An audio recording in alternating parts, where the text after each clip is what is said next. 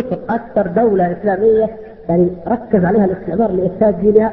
الفتيات يتحجبن؟ ما في لا علماء ولا هيئات تدعمهم ولا هم من انفسهم يتحجبن داخل الجامعة في عدم الشيوعيه يخرج البنات كانوا طلاب يدخلون مظاهرات يطالبن بالفصل بينهم وبين الأولاد. بالجزائر مليون امرأة يخرجن يطالبن منع الرياضة في مدارس البنات منع الاختلاط غيرة الحجاب. في كل بلد بدات يا اخوان وهي ما تعرف الأمر بالمعروف والنهي عن المنكر ابدا. لكن لما ترك الأمر بالمعروف والنهي عن المنكر ممن يجب عليه أن يقوم به وتولى عنه استبدلهم الله استبدل بهم قوما آخرين ولم يكونوا أمثالهم. فقاموا بهذا. لكن ما علينا أن نسقط. هذا الأمر قد يستمر 100 200 سنة عشرة ما ندري ما يهمنا نحن هذا عند الله. يهمنا أننا نقوم وأننا نجتهد وأننا نصبر وأن كلما اشتدت الظلمة نرتقي به طيب أنا أريد أن أترك الوقت الباقي للأسئلة ونحب نخليها حرة كما يقول ما في داعي الورق ولا شيء يعني إحنا اخوان ولا لا نضيف عند بعض ولا إذا في مناقشة في استدراك في تعقيب من الاخوان كلكم ما شاء الله لستم كلكم إخوان يعني بل بكم آباء لي. فتفضلوا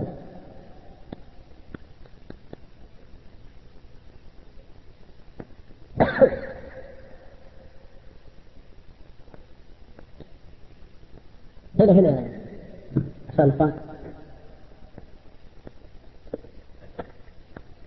غلبة الدين وقهر الرجال يبقى إيضاح وإيضاح. شافي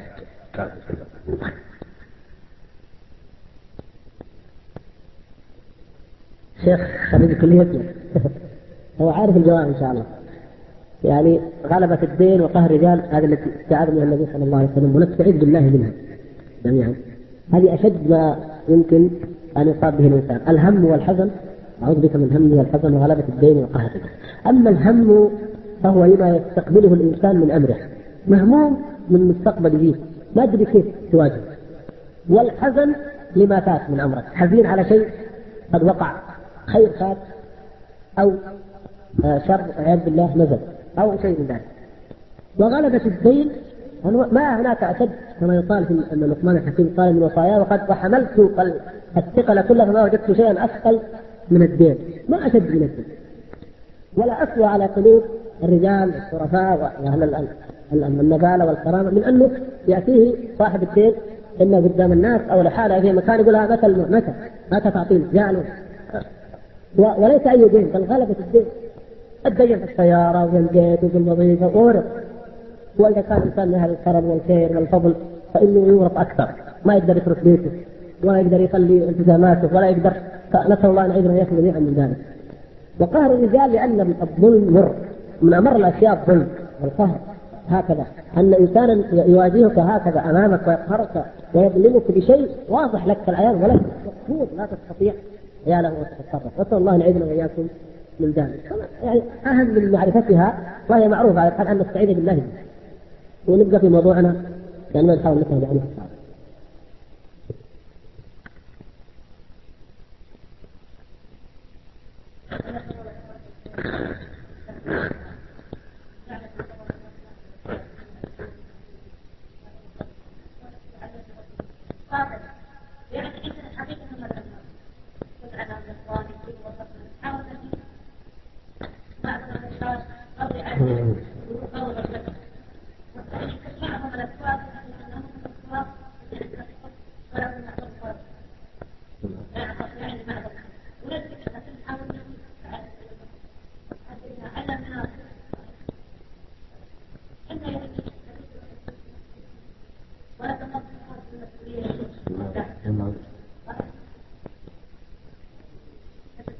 اللهم امين نعم هذه مشكلة وكثير من الناس. أنا الحقيقة كنت أتعجب من بعض الناس لما أجي أتكلم عن الأمر المعروف والنهي عن المنكر وأكثر من مرة في المجالس كذا.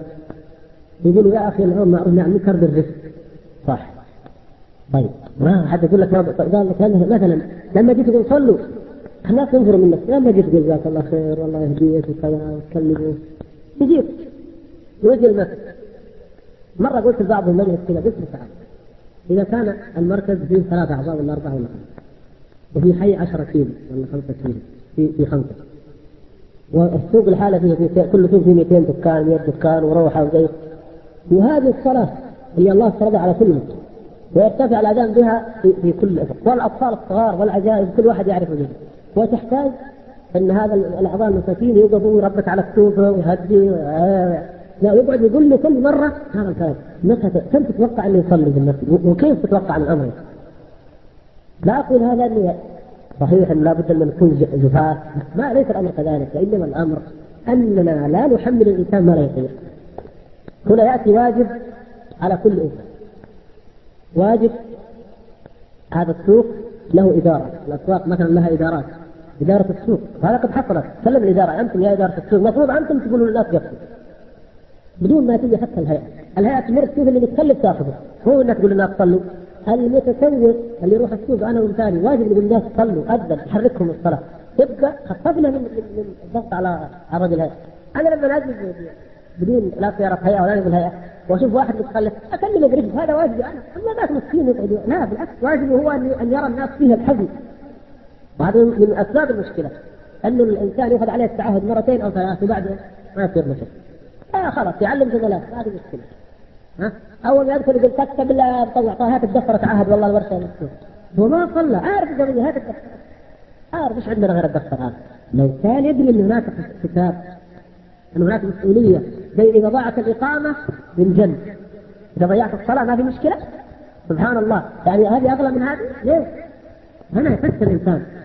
إحنا ما نحن ما احسسناهم بهذا الشيء ومع الأسف أصبح الآن لما تقول فلان ما يصلي أحيانا بعض الناس كما قال صلى الله عليه وسلم وقد أخبرنا بكل ذكر. يقال ما عقله وما اجلده وما وليس في قلبه مثقال ذرة. رجال طيب في خير وكريم وفي بس والله ما يصلي. خير إيش أي خير ما هذا ما في ذرة من الخير لما يصلي ولا ذرة من الإيمان. لكن نقول استهدنا بأمر الصلاة. وعمر رضي الله تعالى عنه لما طعنه المجوسي في المحراب وسقط وأغمي عليه والدم ينزف منه وأفاق وهو في هذه الحالة قال اصلى المسلمون لأنه كان الإمام. أهم قضية فكر في عمر هل صلى هل صلى المسلمون؟ صلوا ولا لا؟ هذه القضية الاساسيه له الجرح وله الخلافة وله إيش اللي هذه الصلاة. نحن الآن حقيقه نقول لما تهاونا بامر الصلاة وأصبحت مسألة رسمية شكلية يلا يا عضو الهيئة مر. وإذا مريت كمان لا تقول صلوا خط الصوت يا أخي. الامر معروف بالرسم. لأن تركنا واجبنا تقول مثل الذي يذهب إلى السوق ترك واجبه. الدوريات تركت واجبها. نحن نتكلم في قاد الدوريات أكثر من يا اخوان تقول طيب ليش ما يصلي؟ قال والله بعدين ندخل في المساجد يا أخي ما في مشكلة. إيش المشكلة؟ قال إحنا النواحي الأمنية سبحان الله. هو آمن يمكن من غير صلاة. بعدين أنا لا أقول له يعمل مشاكل. يعني مع واحدة مثلا متبرجه يبلشها ولا يعمل. لكن لما هو يقول صلوا إيش يضره؟ ماذا يخسر العسكري والجيوب ما شاء الله في كل شيء؟ إذا قال صلوا إيش ينقص؟ إيش يأثر على العمل على الدوريات على الشرطة على الأمن العام؟ والله لا. يا أخي طيب قل. قل صلوا تشوف كيف. اثرها من كيف تطلع. هذا مع هذا مع هذا نتعاون أما بهذا الشكل فعلا نحن اضحوك لا مؤاخذة والله نحن اضحوك الآن له خلاص مر القوة تنزل هذا. اللي جوا يأكل جوا ولا يهيئ القماش ولا الطبخ إلى ما بعد الصلاة شغال.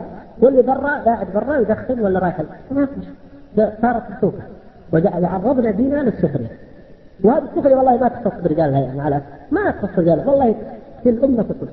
يعني اللي يتكلم لا يتكلم في الهيئة وحدها. يتكلم في المجتمع كله وفي الأمة كلها. إن هذه الناس نضحك عليها بهذا الشكل. قل هذه مشكلة لكن يعني بالنسبة لرجل الهيئة في في ذاته اتقوا الله ما استطعتم عليه أن يبذل جهده.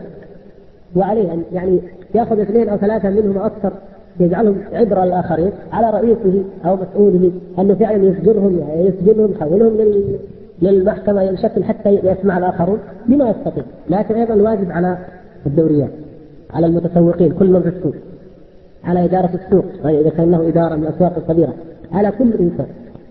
ومن ذلك الدعاء إنكم تأتوا تقول والله هذا الحي الصلاة فيه قليلة. تعالوا يا يا دعاء اعملوا لنا محاضره في هذا الحي في هذا المسجد عن أهمية الصلاة. حتى أيضا تقوم الفجه لعل واحد غافل يسمع ذكر الله لعله إذا شاف الناس ما شاء الله والسيارات إيش القصة؟ قال والله هذا في واحد يقول صلوا واتقوا الله. والله الحمد لله الناس بخير والناس تصلي كثير. أنا الآن بعض الناس يقول تقول ليش تركت الدين؟ يقول خلاص أكثر الناس عادي تركوه. إذا شاف هذا الخير الحمد لله كثرة وله وجود ربما يرجع. فأقول عدة حلول إن شاء الله يمكن أنها اتخذ والله المستعان. تفضل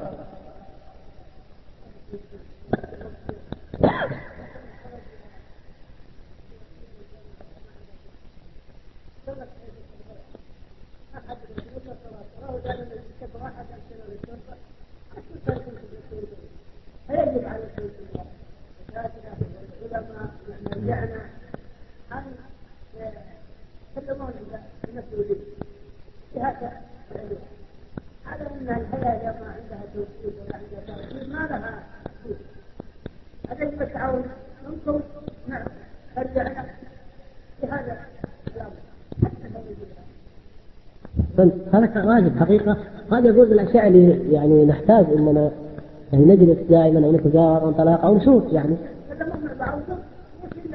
يعني أنا لا أقسمكم أنا ما كنت أدري ما أدرك يعني بعض ما يدور خاصة الهيئات يعني.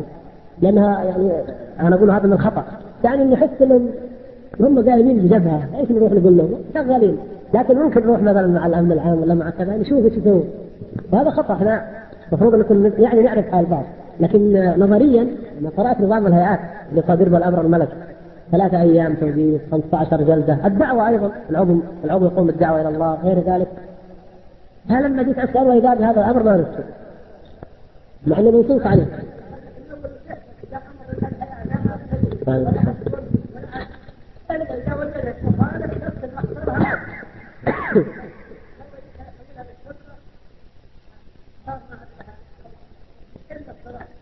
الحقيقة هذا مطلب من حقكم من حق الهيئة أن تطلبه من من جهة يعني من عند نفسها تكتب.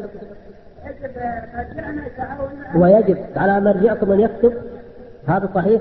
وكل واحد منا يعني بما يستطيع يجب عليه أن يكتب. هذا وهذا هدف وأنا قلت لك حقيقة أني تفاجأت بهذا من فترة يعني. وكنت أظن أن الأمر ذاك النظام الصادر به الأمر أنه ماشي. فهذه الثلاثة الأيام فيها خير لردع من يعني نسأل الله العافية لا يرتجع إلا بذلك. ولا يمين المرجفون يقول لك حرية الرأي حرية ما عندنا هنا حرية للكفر. ما عندنا حرية لترك الصلاة. عندنا هنا حرية إسلامية والحمد لله. الإنسان لا يؤخذ بظلم والحمد لله. ما يتحاكم إلى المحكمة الشرعية شرع الله عز وجل. ما حد يقدر يقول لك أي هذه هذه الحرية التي العالم كله والحمد لله يفتقدها والله. كل العالم لا يستطيع أن يجدها أبدا لأن أحكامه وضعية وشرائعها وضعية إلا نحن والحمد لله عندنا شرع الله. فالحرية الحقيقية للأمة في طاعة الله. فوجود انسان لا يصلي ومصر على ذلك مع عدم وجود السلطة الراجعة والقوه الراجعة بيد رجل الهيئه حقيقة هذا خطأ. ولا شك أن هذا يجب التنبه إليه. كما تفضلت من كل بحسب يعني موقعه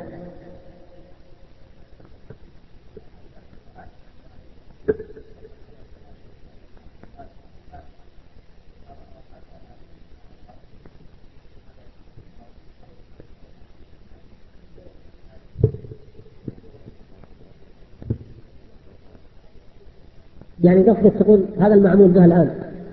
طيب الله المستعان. هذا من فضل الله الأخ يقول آه، هناك مشكلات حيث أن يوجد دوامين على فترتين ولا يكون فرصة لزيارة الأقرباء والأصدقاء فما توجيهكم. وهناك من يقول لماذا آه، رجل الهيئات ما تقوم بعض الناس وكلامك غير لي؟ اي نعم. هذا موضوع الرفق والشرنا اليه موضوع الدوامين نحن قلنا الصبر الصبر والاحتساب لابد منها. لابد. وأنا معكم إن لو كان واحد ضعيف مثلي ما أقدر اداوم دوامي لكن الحمد لله إن الله جعل فيها إن شاء الله منهم أكثر وأكبر واصبر فأصبروا واحتسبوا على ذلك لذلك إن شاء الله الأجر. ولا شك إن هذا يعني أيضا يستدعي من المسؤولين دراسة الوضع وإمكانية يعني تكثير الوظائف وتكثير العدد. بحيث تكون نوبات فيصح للانسان أن يعود مريضا أو يزور قريبا أو يقوم ببعض شؤونه هذه لا شك أنها تاثر على عمله، أن الإنسان لا لا يريد أن يأتي وهو يعني خشب أو جثه بلا روح، ما يصلح هذا إلا أن يأتي وهو راغب ولديه الإمكانية ولديه الاستعداد النفسي، أما إذا جاء وهو مشدود هذا لا لا ينفع ولا يعمل ولا يرتاح. وربما أيضا أدى ذلك إلى التسيب ولا سيما إن لم تكن هناك رقابة خاصة مع ضعف الحوافز المادية. الله المستعان.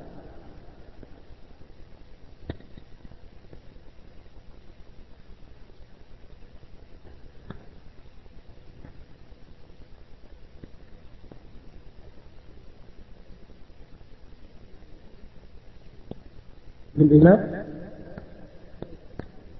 أي نعم. ذكرتني جزاك الله خير بمسألة. أقول أنها مهمة إن شاء الله في هذا الإعداد.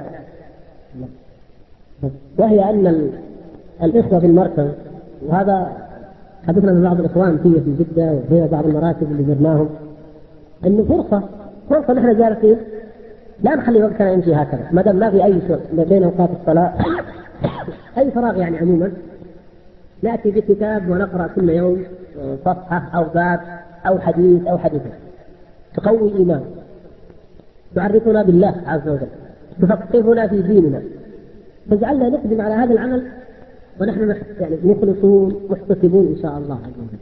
فهذا العلم نور من كتاب الله أو من سنة رسول الله صلى الله عليه وسلم حتى لو ابتدأنا باصول الثلاثه ثم ترقينا منها إلى كما بعض الأخوان في المراكز إلى كتاب التوحيد ثم إلى فتح المجيد مثلا. هذا في الحقيقة يعطينا علم علما وايمانا إن شاء الله أيضا لأن هذا كلام الله ورسوله. وأيضا آه، يجعل الإنسان إذا دعا إلى الله سبحانه وتعالى يدعو على علم وعلى بصيره وخير حتى أقل شيء أنه خير من كثير من اللغو الذي قد نقع فيه والله يعفو عنا جميعا كما قال الله عز وجل لا خير في كثير من نجواهم. إلا من أمر بصدقة أو معروف أو إصلاح بين الناس هذا حال أكثر الناس. نجوانا وحديثنا يعني ان لم تكن بما يضرنا فهي بما لا ينفعنا إلا من كانت الآخرة نصب عينيه وكان يعلم أن كلامه من فعله وأنه محاسب عليه ومحسوب لديه ففرصة أقول وجود الإخوة في المراكز والحمد لله إن كان واحد يعني أبرز منهم في العلم فليعلم الآخرين ويستفيدون منه. إن كانوا اثنين فليتعاون إن كان كلهم فليتعاونوا. وهذه فرصه ثم خارج المركز. أيضا لا بد من ذلك. والوسائل الحمد لله كثرت هذه الأيام. بما من الله تبارك وتعالى به في الإذاعة. بل الإذاعة مثل إذاعة القرآن حتى ونحن في المركز نستطيع أن نستفيد والحمد لله. بمثل الأشرطة والحمد لله متوفره بالكتيبات التي نقولها ثم الكتب. كل ذلك أيضا موجود ومتيسر والحمد لله. وكذلك في غير وقت الدوام ممكن نحضر نحن نحضر حلقات العلم ومجالس الذكر وندوات الخير في المسجد الحرام وفي أي مسجد؟ فهذه كلها إن شاء الله من عوامل تقوية الإيمان وزيادة العلم والزاد الذي نتزود به في طريق الدعوة إلى الله والامر بالمعروف والنهي عن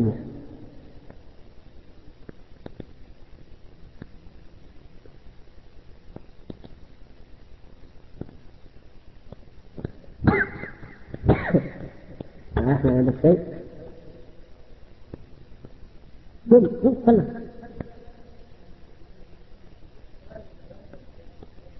ها.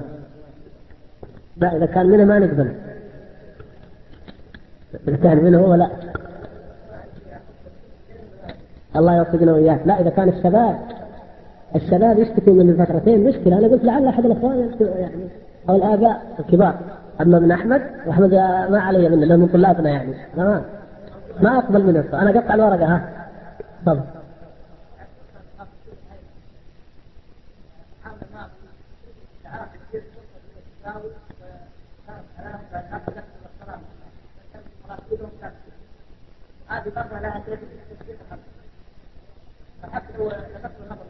أي عرفت؟ القضية معروفة سمعت عنها قابلت اللواء مرة وحدثت.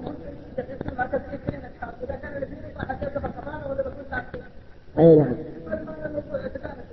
مشكلتنا.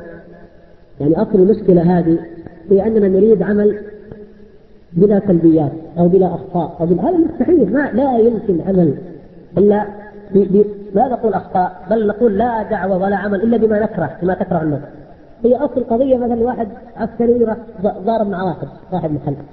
قال ليش؟ قال لأنه قال لي حل. قالوا خلاص اذا بلاش نعمل مشاكل. اذا أنت عسكري ما لك شغل. أنت تكون بس مع العضو لا تكون صلي. طيب ما هو هذا الحل يعني إن كان الخطأ من هذا العسكري يعني تكلم بكلام لا يليق أو اساء عاقبوه هو خلوا الآخرين يتكلموا. وإن كان الخطأ من ذات صاحب الدكان التاجر على كل قصة معروفة عندي. يعني كان الخطأ منه حاسبوه قولوا أنت يعني تستعد أكثر. رفعت صوتك على إنسان وهو يأمرك بالمعروف ونهاك عن المنكر رسمي عسكري. لكن إحنا لا. بناء على قضية كذا وكذا نقفل الباب كله.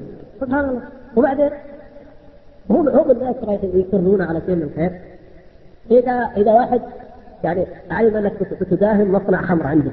تتوقع أنه يقول الله يحييك تفضل هذا الجوارير وهذا البراميل وهذا. ما يمكن هذا. لابد من شيء. لابد من تعرض لشيء من الابتلاء. فإذا قلنا لا ما دام يحدث بعض الأشياء لا لا. فاذا كان بيوت دعاره عياذا بالله قالوا لا هذه يمكن تحصل فيها بعض الأمور. كل القصص تقريبا نعرفها ولكن من الناحية الشرعية المسألة واضحة جدا.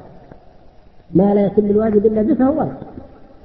ويراعى مقدار المصلحة والمفسدة. أيهما التي أكبر نعمل لتحقيقها والأصغر تلغى كان لا وجود لها. أما إذا اردنا أن الأمر يعرض عن المنكر لا يسير إلا على مصلحة 100% ولا مفسدة متوقعة ابدا اذا لن نعمل شيء لابد واحد يسال واحد يمكن خلوا قطط في جدة عشان بعدها. مثلا المهم في السوق الدولي أو زي سوق راحوا قالوا نبغى الهوية. ما أعطيكم أنا ولد فلان يا أخي مين يكون فلان؟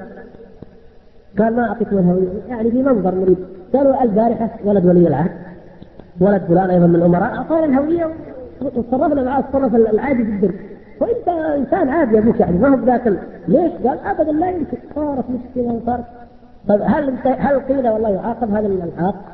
هذا الذي لم يستجب لما استجاب له. ابناء الناس الذين هم فعلا كبار ومسؤولين لا القضية أبو يحاول حتى يسوي سمعه الهيئه في أي مكان. هذه مشكله يعني إحنا نقول لا بقدر ما نقول لا نعطي العدو فرصة علينا لكن أيضا لا نكون خياليين مثاليين بحيث أننا إما 100% مصلحة واضحة وإما لا شيء. نتوقع انه ان كان بننزل السوق لابد نجد من يضايق من يرفض الاستجابة لابد نتوقع إذا قلنا صلوا أن نجد من لا يقبل. لابد من هذا. وفي كل أمر نتوقع يعني ما, ما, نرضى.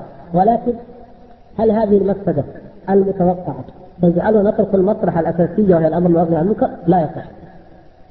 بل أنا أقول هناك شيء أهم من ذلك أنه يجب التنسيق بالنسبة للموضوع كما تفضل الشيخ أن يكون الشرطه الذين يتعاونون مع الهيئة من, أفضل الناس من الصالحين فيهم.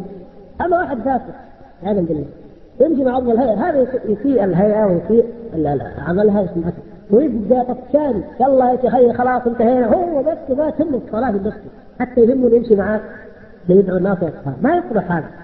بعدين هذا كيف يؤمن على امرأة؟ إذا وقفت امرأة مثلا أو صبي أو مال كيف يؤمن عليه هذا الشكل؟ ما يصلح. وإن كان يمكن يقول في الشرطة يمكن يسويها. ما هو قضية. المجرم مجرم في أي مكان. ولما يخاف الله ما يخاف في أي مكان. لكن الهيئة سمعتها غير سمعه بقية الاجهزه بل لو وقعت بعض المشاكل في الشرطه ما حد يدري عنها أو ما حد يلومها عليها. لكن الهيئة نقطة بسيطة تبلغ الافاق ها معروف الله؟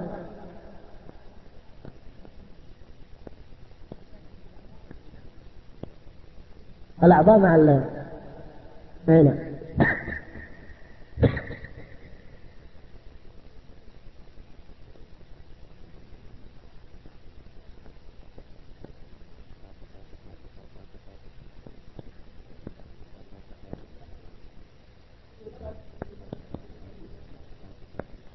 اي نعم إن شاء الله مجتهد يعني نعم.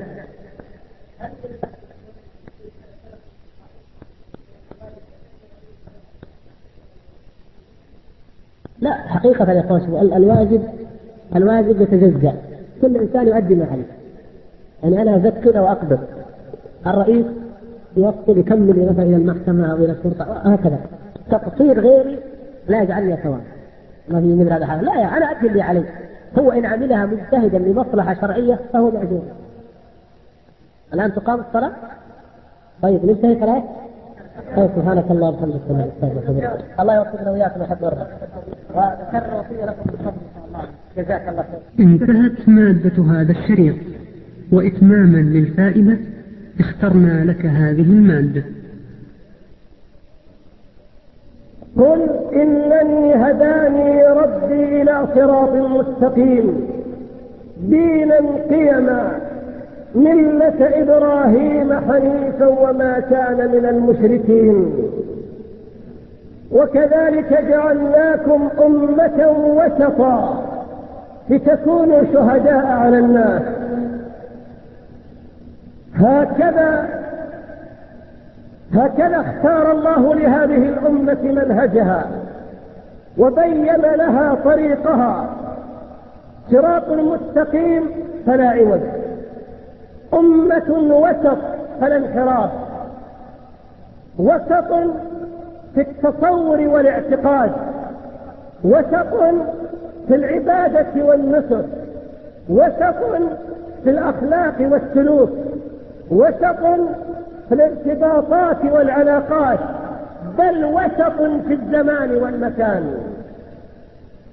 صبغة الله ومن أحسن من الله صبغة ونحن له عابدون. جعلها الله على الجادة الوسط التي تصلح لهذه الأمة وتصلح بها هذه الأمة. وإن التزحزح عن هذا المنهج الوسط. إن التزحزح عن هذا المنهج الوسط افتيات على الله في حكمه واستدراك عليه جل وعلا في شرعه. ألا يعلم من خلق وهو اللطيف الخبير؟ إنه جنوح عن الوسط إلى الطرف. بكل ما في الطرف من وعورة وبكل ما في الطرف من انحراف وبكل ما في التطرف من شدة ورهق. ولئن كانت الأمة قد عايشت صورا من التطرف في عصور سلفت فإن أشد أنواع التطرف ما عاشته الأمة في عهودها وعقودها هذه الأخيرة. حيث تطرف التطرف إلى طرف الطرف. ولئن كانت الضوضاء قد علت وعلى ضجيجها عن التطرف أخيرا فإن وجود التطرف حقيقة لا مرية فيها ولكن قبل ذلك. إن التطرف سابق للضجة التي أثيرت حوله بكثير. عانت الأمة من التطرف وعانت من ثمار التطرف فإن التطرف شجرة خبيثة إذا نمت نمت معها أشواكها وأشواكها الحادة ومن أشواكها الحادة الإرهاب فالإرهاب ابن شرعي للتطرف وأحد ثماره المرة. وجد التطرف في حياة الأمة ليس منذ سنين ولكن منذ عقود. وجد التطرف يوم زحزحت الأمة عن الوسط الذي اختاره, اختاره الله لها. فزحزحت إلى حفر التطرف فألبست ثيابا ونحلت نحلا. ألبست ثياب الاشتراكية حينا من الدهر وظلمت بقوانين الإصلاح الزراعي بل فرضت الشيوعية كأيديولوجية عقدية وليس كمسألة اقتصادية. وجد التطرف فسرت الدعوات الكفرية من خلال أجهزة الإعلام الرسمية لبعض الدول. فمثلا يكتب كاتب يكتب كاتب إباحي. في الستينات إبان الحمى الاشتراكية مقالة بعنوان اشتراكية الأسرة. وكانت دعوة مزدكية إلى الاشتراك إلى إلى الإباحية. وفي صحيفة رسمية حتى إذا ما نشرت هذه الوقاحة رد عليها أحد العلماء الأعلام ردا علميا رصينا غار فيه للحق ولله عز وجل. فرد عليه ذلك الكاتب السافر بمقالة ساخرة جعل عنوانها لا يا شيخ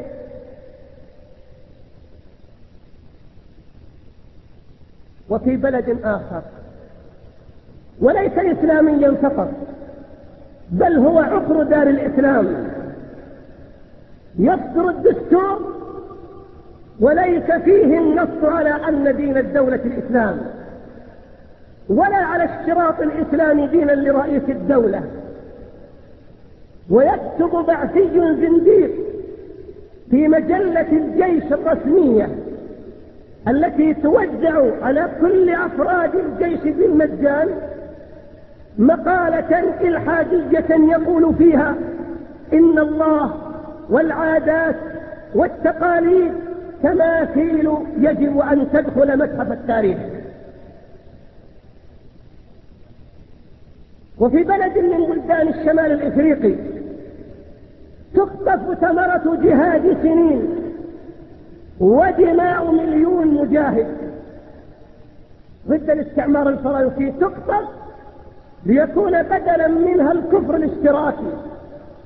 وأما العلماء الذين قادوا مسيرة الجهاد فيقضون تحت الإقامة الجبرية كالشيخ البشير الإبراهيمي والشيخ عبد اللطيف سلطاني وغيرهم رحمهم الله.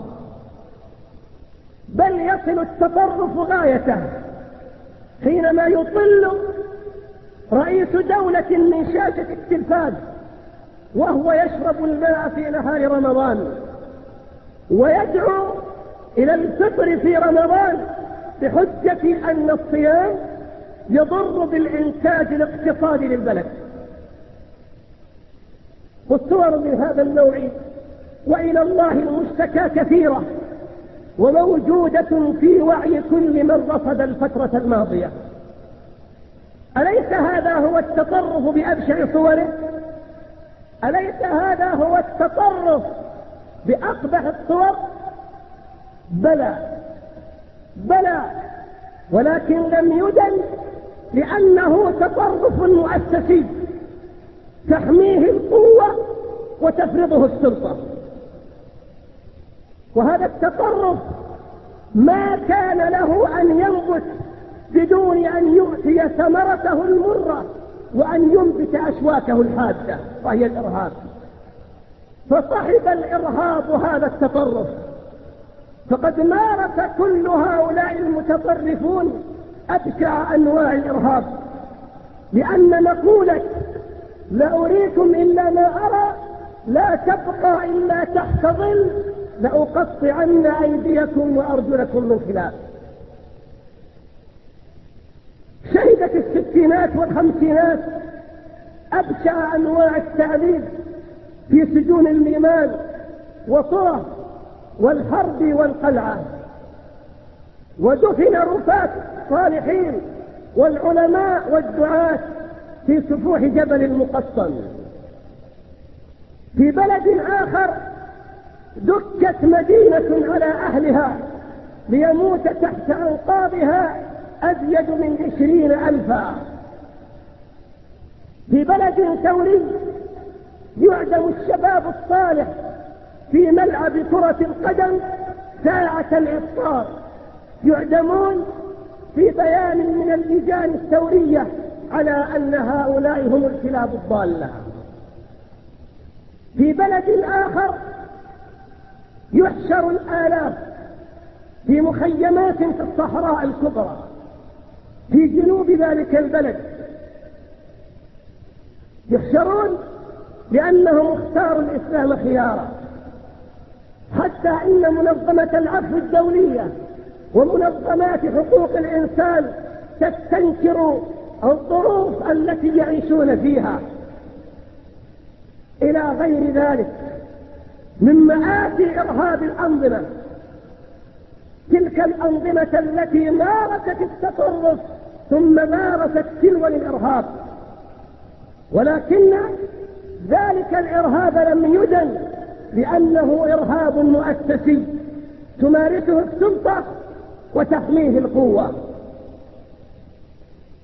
ولأن لكل فعل ردة فعل مساوية في القوة. معاكسة في الاتجاه فقد نبتت في بعض البلاد اتجاهات دينية متطرفة. كونها العذاب داخل السجون. ترعرعت وراء القضبان. ثم تحدد فكرها وظهر أثرها. حينئذ فقط ارتفع الضجيج ضد التطرف وضد الإرهاب. وبدأ المنظرون ينظرون والمحرضون يحرضون وتناسى كثيرون تناسوا حقائق مهمة ينبغي ألا تغيب في معالجة هذه القضية.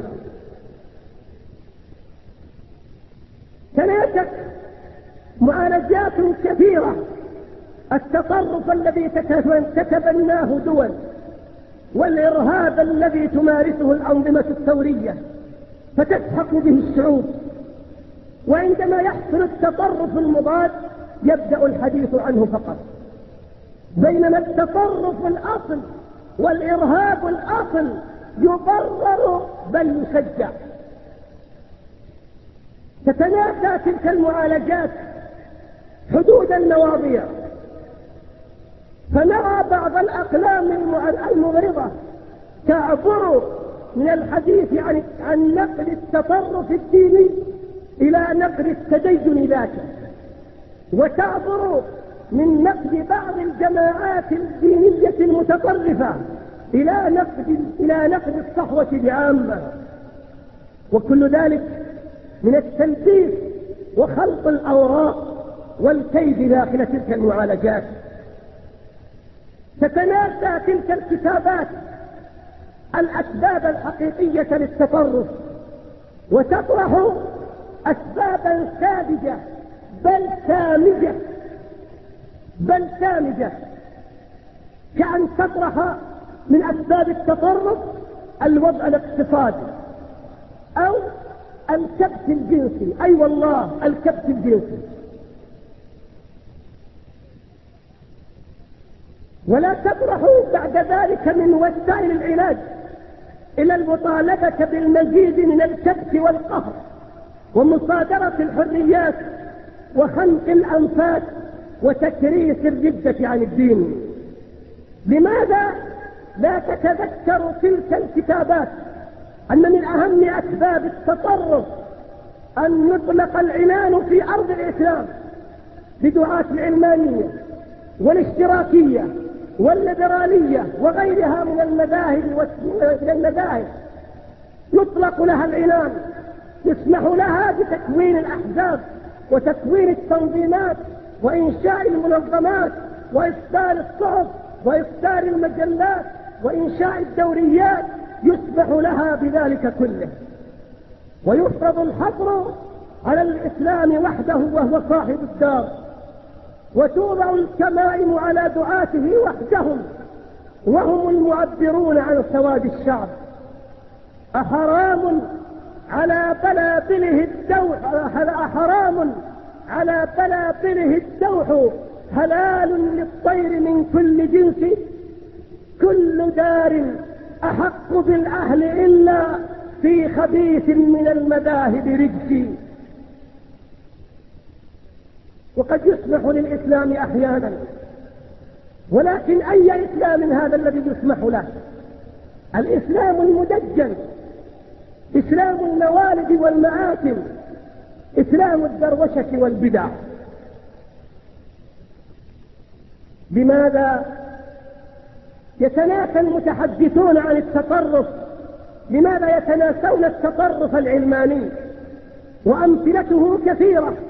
منها ما نراه في الصحف الخليجية مثلا من إسفاف هابط في الحديث عن الصحوة وشبابها. خذ مثلا ما نشر في صحيفة خليجية حيث نشرت في أحد أعدادها مقالة قالت فيها أحذركم من الذي يواظب على الصلوات الخمس وهو يغتسل من جنابة الزنا في حمام المسجد. خذ من أمثلة ذلك دعوة غلاة العلمانيين إلى منع البرامج الدينية في الإذاعة والتلفاز. بل منعهم الأذان في مكبرات الصوت بحجة إزعاجه للآخرين. بل دعوتهم إلى ما يسمى بتجفيف المنابع وذلك بقطع كل أسباب التدين لأن كل متدين صغير سيصبح متطرفا كبيرا بعد ذلك. إذا فلترفع المواد الدينية من مناهج التعليم ولترفع البرامج الدينية من أجهزة الإعلام حتى لا تنشئ لنا متدينين يتحولون إلى متطرفين. خذ مثالا آخر.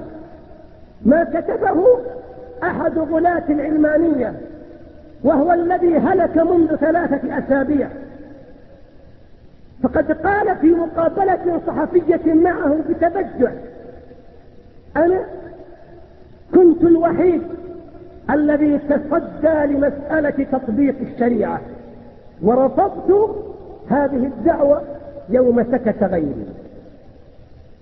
هذا الوقع قال في آخر مقال نشر له قبل هلاكه بيومين؟ قال في هذا المقال يا وزير الصحة مطلوب منك أن ترد على ما طالبتك به في مقال سابق. فما الذي طالب به وزير الصحة في مقال سابق؟ استمع إلى المطالبة. يا وزير الصحة مطلوب منك أن ترد على ما طالبتك به في مقال سابق بدعم المهدئات الجنسية. ولم ترد عليه. وعدم استجابتك هذه المرة تهدد الأمن القومي. الأمن القومي مهدد. الإرهاب يزيد. التطرف يشتد. الحل في يدك يا وزير الصحة. أي أن علاج التطرف والإرهاب هو بالمهدئات الجنسية. وهؤلاء المتطرفون الدينيون هم قوم مثارون جنسيا. فلتدعم المهدئات الجنسية لهم وقد هلك هذا الكاتب قبل عيد الأضحى. فعلت ضجيج وعلت الضوضاء وارتفع الصياح ينادي ما هذا الإرهاب؟ لماذا لا تقارع الحجة بالحجة؟ لماذا لا يواجه الرأي بالرأي؟ وأجيبوني بربكم. أي حجة يمكن أن يرد بها على هذا الكلام؟ أي رأي موجود في هذه السماجة؟ كيف يمكن أن تناقش إنسانا يتهمك فيقول أنت حمار؟ فهل ستقف وترد عليه بنقاط محددة تثبت فيها أنك إنسان؟ هل وجدنا حجة حتى يرد عليها بحجة؟ هل هناك فكرة حتى تفند بفكرة؟ وتذكرت موقفا شبيها ولكن على الضفة الأخرى. أصدر الأستاذ سيد قطب رحمه الله كتابه معالم في الطريق.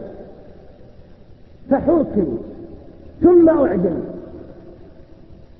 فلم يقل أحد لماذا لم تواجه الحجة بالحجة؟ ولماذا لم توقد الفكرة بالفكرة؟ ولماذا يكون ثمن كتاب رقبة تشلق؟